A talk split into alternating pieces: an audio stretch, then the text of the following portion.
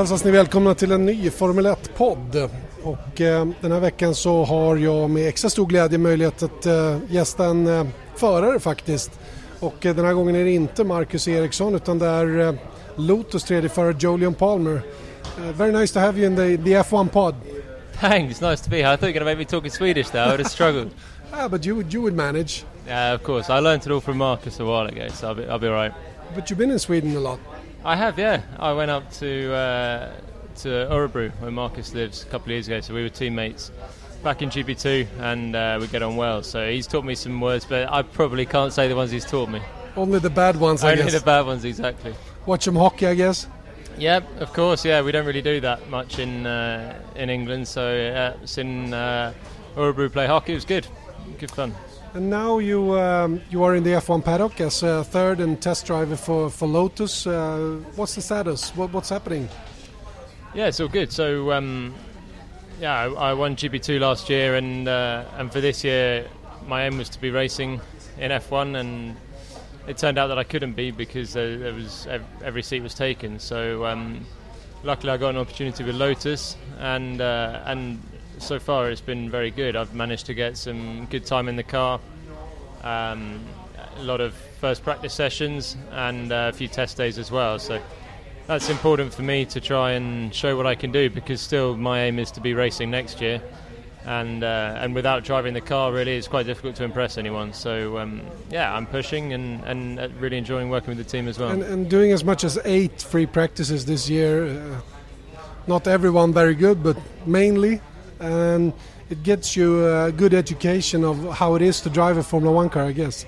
Exactly, yeah. GP2 is is very high level already, but it's different to Formula One. So um, I think GP2 prepares you quite well, but driving Formula One car is even better preparation still. So all the time I'm learning more and more. Um, they're, they're really complex Formula One cars, especially the modern technology on them. So. Uh, yeah, there's a lot to take in, and also just driving on a Grand Prix weekend is is different as well because you have a. For me, when I jump in, I have an hour and a half, and I'm going driving to a program. There's a lot of procedures, and um, and all this is so different to GP2. And of course, there's there's a lot of pressure because uh, you know you're in front of the world in Formula One car. So, um, but it's all good, and, and if I was to get a chance next year, then then it will be a great experience.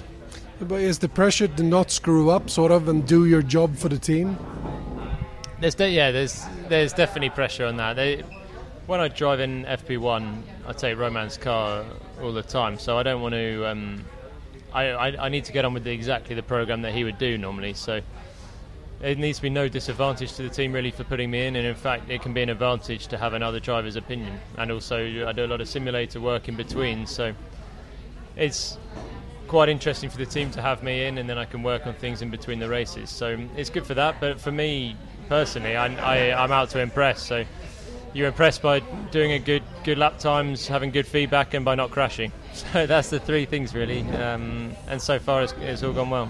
Uh, we have seen uh, the way you work your way into Formula One when we saw likes of Valtteri Bottas doing like 15 free practices for Williams. Is is that the way to do it nowadays? Do you think? Well, it's the way to do it if you win GP2 and you can't get into Formula One. So the, the problem is, if you win GP2, you can't do it again. Um, but even so, I, I wouldn't want to do it again because I've learned as much as I could in that, and I've learned a lot in it. But um, this is, I'm learning a lot more than, than I did last year already. So, and now I'm in front of all the F1 team bosses' eyes. I'm on the on the timesheets. It's impossible for anyone to ignore me when I'm driving now. So um, if I do a good job, then hopefully well, a Lotus, I'm sure, will recognise if I do a good job, but even some other team bosses as well. So, talking about free seats, I mean, there's not a lot of them in, in Formula One, and, and we all know that the economy and the teams are very stressed, and and many of the drivers are supposed to sort of at least help the team with the budget. Uh, on, on, your side, is it only a matter of getting a free seat, or or uh, is the money side? Okay with you? Well, no, it, that's the difficulty to be honest, because um, yeah, the way Formula One is at the moment is there's a lot of drivers with big budgets that are coming in, and and uh, at the moment it, I, I had a chance last year to be honest, but um, yeah, I, I was I basically didn't have the backing to to get in, and and drivers that I beat were, were getting in ahead of me. Because, to be honest, if you're running at the front of GP2, they're all very talented drivers. So, um, and and if some drivers got a big backing, then then it's it's an advantage. So, it's a shame for me, but it is it is what it is. And now I just got to work even harder on everything I can control and see. I, hopefully, there's a free seat, and I just hope it's not as money driven as uh, as other cases. Do you think that the situation in Formula One at the moment is holding a lot of talent back? It's holding some talent back, definitely, but ultimately, I think the the best drivers in the lower formula tend to get to Formula One anyway. I, it's rare that I can think of someone that's really looked incredible and hasn't actually made it all the way. Um, but it's just very difficult. I know from from the last year and year, well, year really since I was leading GP2, trying to break break through into Formula One is extremely difficult. And now with the way it is, the problem is not only that there's some drivers with with huge backing that are taking seats, but um, there's so few seats, which is I think the bigger problem, and the and the, the teams are all struggling a little bit financially. If the teams were healthier and there were more teams out there, then I'm sure you get all the best drivers, and and it wouldn't be about bringing money to to get a seat. Uh, good news for you, I guess, is, is a new team coming in next year with the, with Haas F1. I mean, how does the negotiating go? I mean, who, who take care of your of your career, sort of? Uh, I have a manager that, that looks after it. I, I work on everything that's in my control, really, which is the driving side, um, and just generally getting on well with, with the engineers and having good good relationship, good feedback, and uh, and of course the, the bosses here at Lotus, and um, and then I, I have management as well that, that speak to the various teams and see see what's what's open really. So at the moment, obviously now coming into summer break, it's um, is when people start to talk about seats for next year, and uh, so it's quite important to know where where you're at with options. So. Um, yeah, I, I, I know what's going on, but I'm not the one that's, that's uh, instigating all the talks anyway. I've been here long enough to know that you wouldn't reveal anything if there was any long-going negotiating going on. But how would you rate your chances to be in Formula One in 2016? It's it's really difficult to say at the moment because there's there's a lot of unknowns and and um, with Lotus uh, especially really because there's a, there's a bit of talk of Renault maybe doing something. Um, it, it, so it's very open, and then still we need to wait for news on Kimi, which could change the rest of the um, what happens further down the grid. We've got a new team coming in with Haas, so I feel I actually feel at the moment that I have a chance, um, and I'm just pushing as hard as I can to make something happen. And uh, hopefully it'll all unfold quite quickly, and I'll, I'll know whether I'm, whether I'm in or not. I'm quite surprised that that. Um with a big championship like GP2 and, and, Formula One racing together every weekend, I'm, I'm surprised that there isn't more cooperation between Formula One teams and GP2 teams, sort of making a GP2 team your junior team more clearly, so that you have more control of how you sort of get new drivers coming into the big championship. Yeah, there's some teams that have links with GP2 teams. Um, and with junior drivers as well in, in GP2 and I think it can be can be good, but it, the problem is it's expensive for a lot of teams. So the at the moment the big teams, McLaren, Ferrari, Red Bull, have all got young drivers, and they're all in GP2 at the moment as well. So, um, but in terms of whether you can get GP2 driver the champion to a Formula One, then it is ultimately it's up to the teams in Formula One. If they want to take you, then then they take you. If they don't, then there's a lot of other talented drivers out there as well. And there's only 20 seats, and there's so many drivers that uh, technically would be good enough to be in those seats. So. Um, yeah, I wish it was as simple as the GP2 champion gets into F1 the following year, but it's, it's not the case. Could, could be that one seat was always open for the GP2 champion. Yeah, but there's all the other implications yeah, as well. Yeah, so know, it's who, which seat, and yeah. if you're a McLaren Junior, then if it's the the Lotus seat, then it's impossible. So it's wishful thinking. It's wishful thinking. Yeah, I've, I've wished it many times, but it's uh, yeah, I don't think it can happen does the situation takes you down mood mood wise sometimes that seems to be so hard to get anywhere yeah it's hard but it's formula 1 and it's the pinnacle of motorsport so I, I never really get down about it. I, I do as much as I possibly can, and um, if it if it doesn't happen, it doesn't happen. Really, They're, so long as I've done everything and I haven't missed an opportunity myself, and I've done everything I can in my power, then there's a, so many factors outside of my control that um, yeah, I can't get too hung up on it. Really, there is it's so difficult, and there's each year there's only 20 people that get a chance, and there's a lot of people that miss. And it, if I was to miss a seat, it wouldn't be just me. There's a lot of people in my position, so yeah, it is. It would be. I would be very, very disappointed if I don't end up racing Formula One at some point. But um, yeah, at the same time, you've got to focus on what's possible, and and if it doesn't happen, don't don't think about it too much. We have another championship g- growing very strong and seems to be very strong at the moment. Is the WEC with the World Endurance Championship? Is that an, an option for you if if the Formula One dream would to go away? To be honest, I'm I'm just focusing on Formula One at the moment. It, it's definitely it looks strong, especially Le Mans as, a, as an individual race. I think is is fantastic, and that's something definitely in my career I'd love to do. Um, but the dream would be to do what Nico Hulkenberg's done and, Yeah, and be racing. Formula One and, and racing Le Mans. Exactly. No, my focus is definitely on Formula One at the moment. And until until I'm told it's definitely not possible, then um, then I'll, I'll keep the focus. Guys like uh, Nico Hülkenberg, they they pick the cherries. Yeah, exactly. Yeah, but he's he's done a very good job in Formula One for a long time, and uh, and it, when you can jump into to uh, to Le Mans and win straight away, I think it shows that you're a pretty good driver. You have any use of your famous father, Jonathan?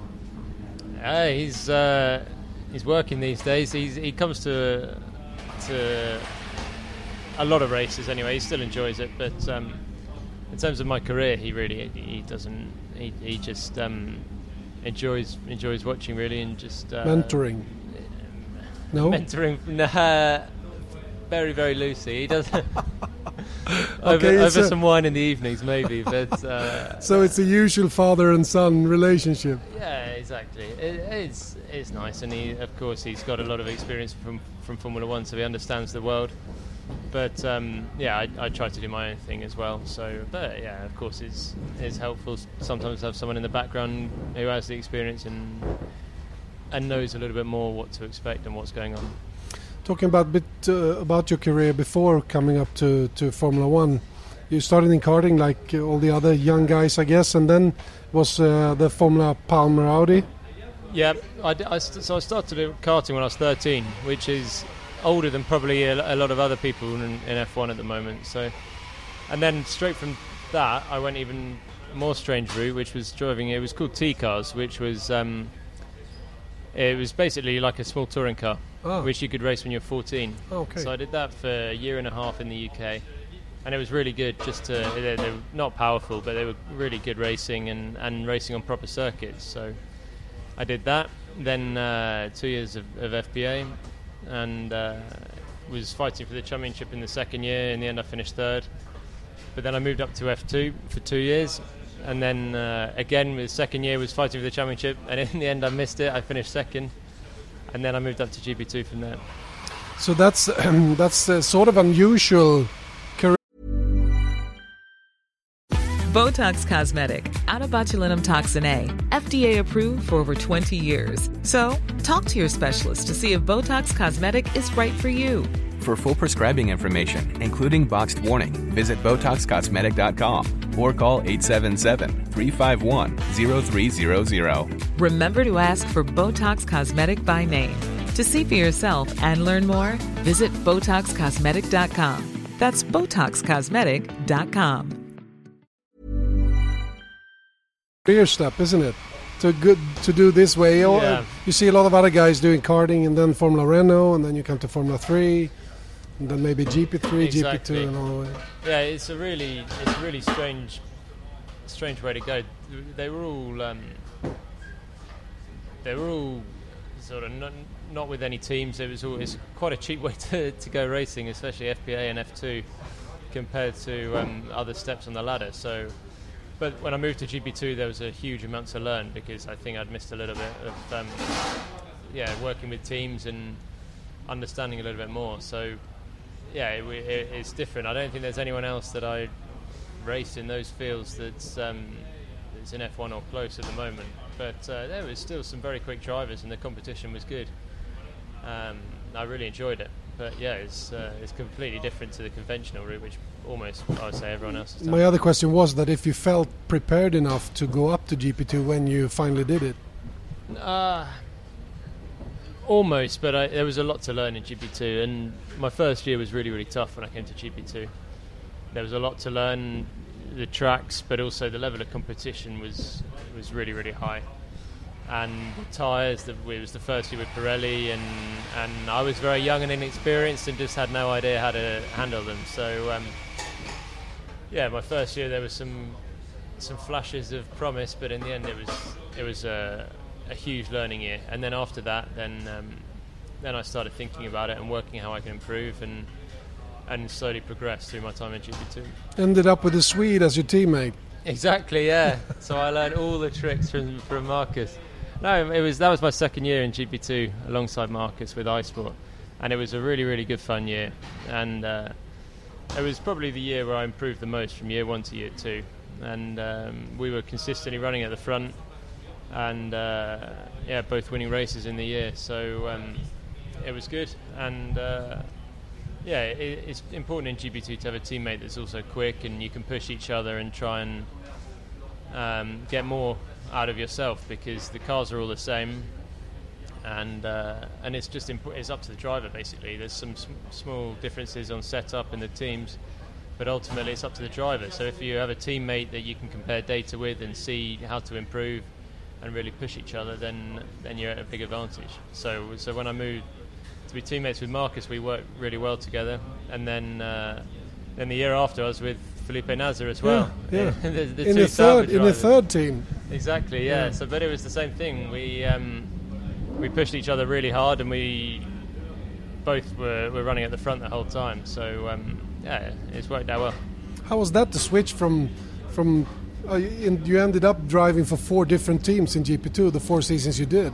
I did, yeah, but it's just by coincidence, really. Um, just at the end of at the end of the years, there was always new teams that were um, approaching me with good offers, and and I just felt it was right at the time to, to go for the team that I moved to. But it's the, t- the cars are all the same, but there's some subtle differences with the engineering and the setup that can make a difference on track, and you need to be very comfortable with your engineer. You need to it's ideal to have a teammate that can push you like I said and and you need to have confidence in everything. So it was, for me it was good uh, with with uh, Felipe and Carlin but in the end I switched to Dams for last year and it, we, I just clicked really well with the team. Um, and straight away from the word go as, as on the front and I just knew it was going to be it was just putting everything together which which the team managed to get the most out of me, I think, and, and it was a really good year. Yeah, you were really really strong. It ended up winning the championship. It must have been a great feeling to to have that result in Russia, where where you sort of grabbed the title. Yeah, it was it was fantastic. I, I knew at the start of the year that the title would be possible, and uh, but the competition's always really intense, and you never know. So even I started this season really strongly, and put a big gap to uh, Nasr, who was second. But then you never know because it can change so quickly in GP2 with the race format. So it's easy to have a non-score in a weekend and someone else can score 40 points. So um, yeah, when I finally I won the race in Russia and, and saw that Nasr was outside the points, which meant I was champion. It was it was really special, and it was the first race that GP2 had ever done in Russia. And to win the championship with a with a weekend to spare and with a race win, I think was the perfect win. I think you were talking about the scoring in GP2. I think that's the weakness with the championship that they sort of only have one qualifying, and you're so you, you really need to do well in race one to be able to score any points in race two. And if you if you, if something happens in race one, you you basically go from a weekend with zero points. Yeah, it, it's really it is difficult that, and if you want to put a championship together, it's the race one is so important. You need to qualify well to have a chance in race one, and then if you don't finish race one near the front, or ideally in the top eight, then it's, it's very easy to get a non-score if you crash out at the start, and you have, then you have to start race two from the back. so that's why even with a good championship lead, you never know because it can be someone else's fault. They, they can crash into you at the start, and suddenly you lose a lot of points and you've done nothing wrong. So it's unfortunate, but at the same time, I think it teaches you to be consistent, to manage to put everything together as best you can when it's in your control. And if nothing else, it teaches you to overtake. And the racing in GP2 is some, I think it's the best single seater racing in the world. So, um, yeah, if, if you start at the back, it's possible to overtake and come through, and you've just got to try your best. Even if you can't win the race, you're in the F1 paddock, and a lot of F1 people are watching. So if you can can look good and try and you can still you can still impress. Are you like a F1 nerd like I am? Sort of really into the sport and watch oh, everything? Of course, yeah. yeah? I'm, I'm here. I wouldn't be if I wasn't. Yeah, followed but, it for ages. Um, um, that do you do? Do you then have a your own favorite on the grid, and you sort of keep an extra eye uh, on? Marcus on Ericsson, of course. of course, of course. No, besides no, him, not a, not really at the moment because I, these are all people that I I know now and and uh, yeah, I've raced raced with a lot of them. Um, but yeah, when I was younger, I I, I have favourites, but there was it always depended who was the underdog. I never, uh, yeah, whoever was challenging Schumacher. Get ahead of postage rate increases this year with Stamps.com. It's like your own personal post office. Sign up with promo code PROGRAM for a four week trial plus free postage and a free digital scale. No long term commitments or contracts. That's Stamps.com code PROGRAM. When he was dominant, uh, always support the underdog. People like Montoya, I used to really like. It was always really entertaining, and also Alonso when he first came in with Renault and when he was when he was champion with Renault, I think I, I was supporting them. Any favourite team? Lotus. Ah, Lotus, of course. I had to say Lotus. uh, Lotus at the moment. I never really had a, had a favourite team all the way through. Just just support the driver. Many people talk about Ferrari and McLaren, the iconic teams of Formula One. I guess it's the same for you. That you have the same feeling for them. Um, well, I respect what Ferrari and McLaren have done. They're clearly legendary teams, but then I wouldn't say I I support them or I think they're any more special than anyone else. All the teams are working really hard to be on the grid and, and to be as competitive as possible. And when you're inside a team, a team like Lotus, you can see how much it means to every single person in the team. And there's there's sort of about 70 people that can work on the race weekends, mechanics, engineers, media, marketing, catering. There's there's everyone, but then there's also hundreds more back at base who and and they're all putting so much into getting the cars out there and fighting for points or for wins or for whatever's possible. And it means so much to them when they get a good result on Sunday. So. I, I respect what the, the, teams at the top do, but also I think the teams at the bottom have done a, a great job as well. The state of Formula One is, is, is being discussed, to say the least. Uh, everyone wants to. Everyone seems to have the. Many people seem to have the. Uh, the the general idea what the sport needs to do to be more uh, attractive to the audience. Uh, what do you think about the state of Formula One at the moment? I, I don't think there's a lot wrong with Formula One, to be honest. I think. Um, I think that at the moment Mercedes are, are too dominant for they're, they're obviously doing a fantastic job, but I think that's what makes fans less interested rather than because the cars aren't noisy or the races are boring or I think the races are only sometimes boring because Mercedes are, are unchallenged. As soon as Vettel wins a race in Malaysia, it was it was looking really good. So. But on the other hand, there's nothing new with that. It's always been a dominant team in Formula exactly. One. Exactly, and and so long as as uh, Rosberg and Hamilton are close and fighting, then I think there's good action anyway, and the, the championships is open. And it was the same with Red Bull a few years ago when Vettel was running away with it. It was people were saying it was was boring then, but it, you can't always have have legendary races. I think when there are some, then it's the, the fans all love it. Silverstone was a really good race this year. Um, I, I don't think there's a huge amount wrong. I think people are very good at talking about what's wrong with it when actually it's really not too bad.